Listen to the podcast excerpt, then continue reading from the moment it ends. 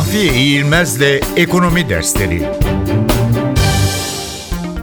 Osmanlı'nın ilk dış borçlanması Osmanlı İmparatorluğu Kırım Savaşı'nın giderlerinin finansmanını karşılamak amacıyla 24 Ağustos 1854 tarihinde Londra bazlı Dent, John Hersley Palmer ve ortakları ve Paris bazlı Baron Goldschmidt ve ortaklarıyla bir dış borç sözleşmesi imzaladı. Bu borçlanmanın tutarı 3 milyon sterlin yani 3.3 milyon Osmanlı lirası, vadesi 33 yıl, yıllık faizi %6 ve ihraç fiyatı %80 olarak öngörülüyordu. Bu anlaşma uyarınca İngiliz ve Fransız piyasalarına Osmanlı tahvilleri ihraç edildi ve ilk dış borçlanma böylece gerçekleştirilmiş oldu.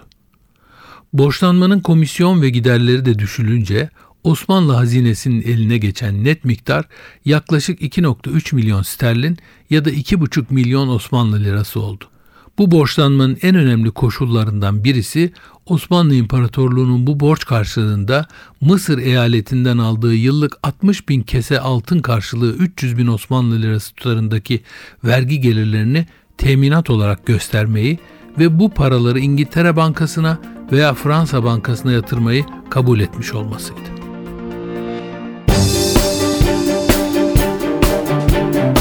Mahfiye İğilmez'le Ekonomi Dersleri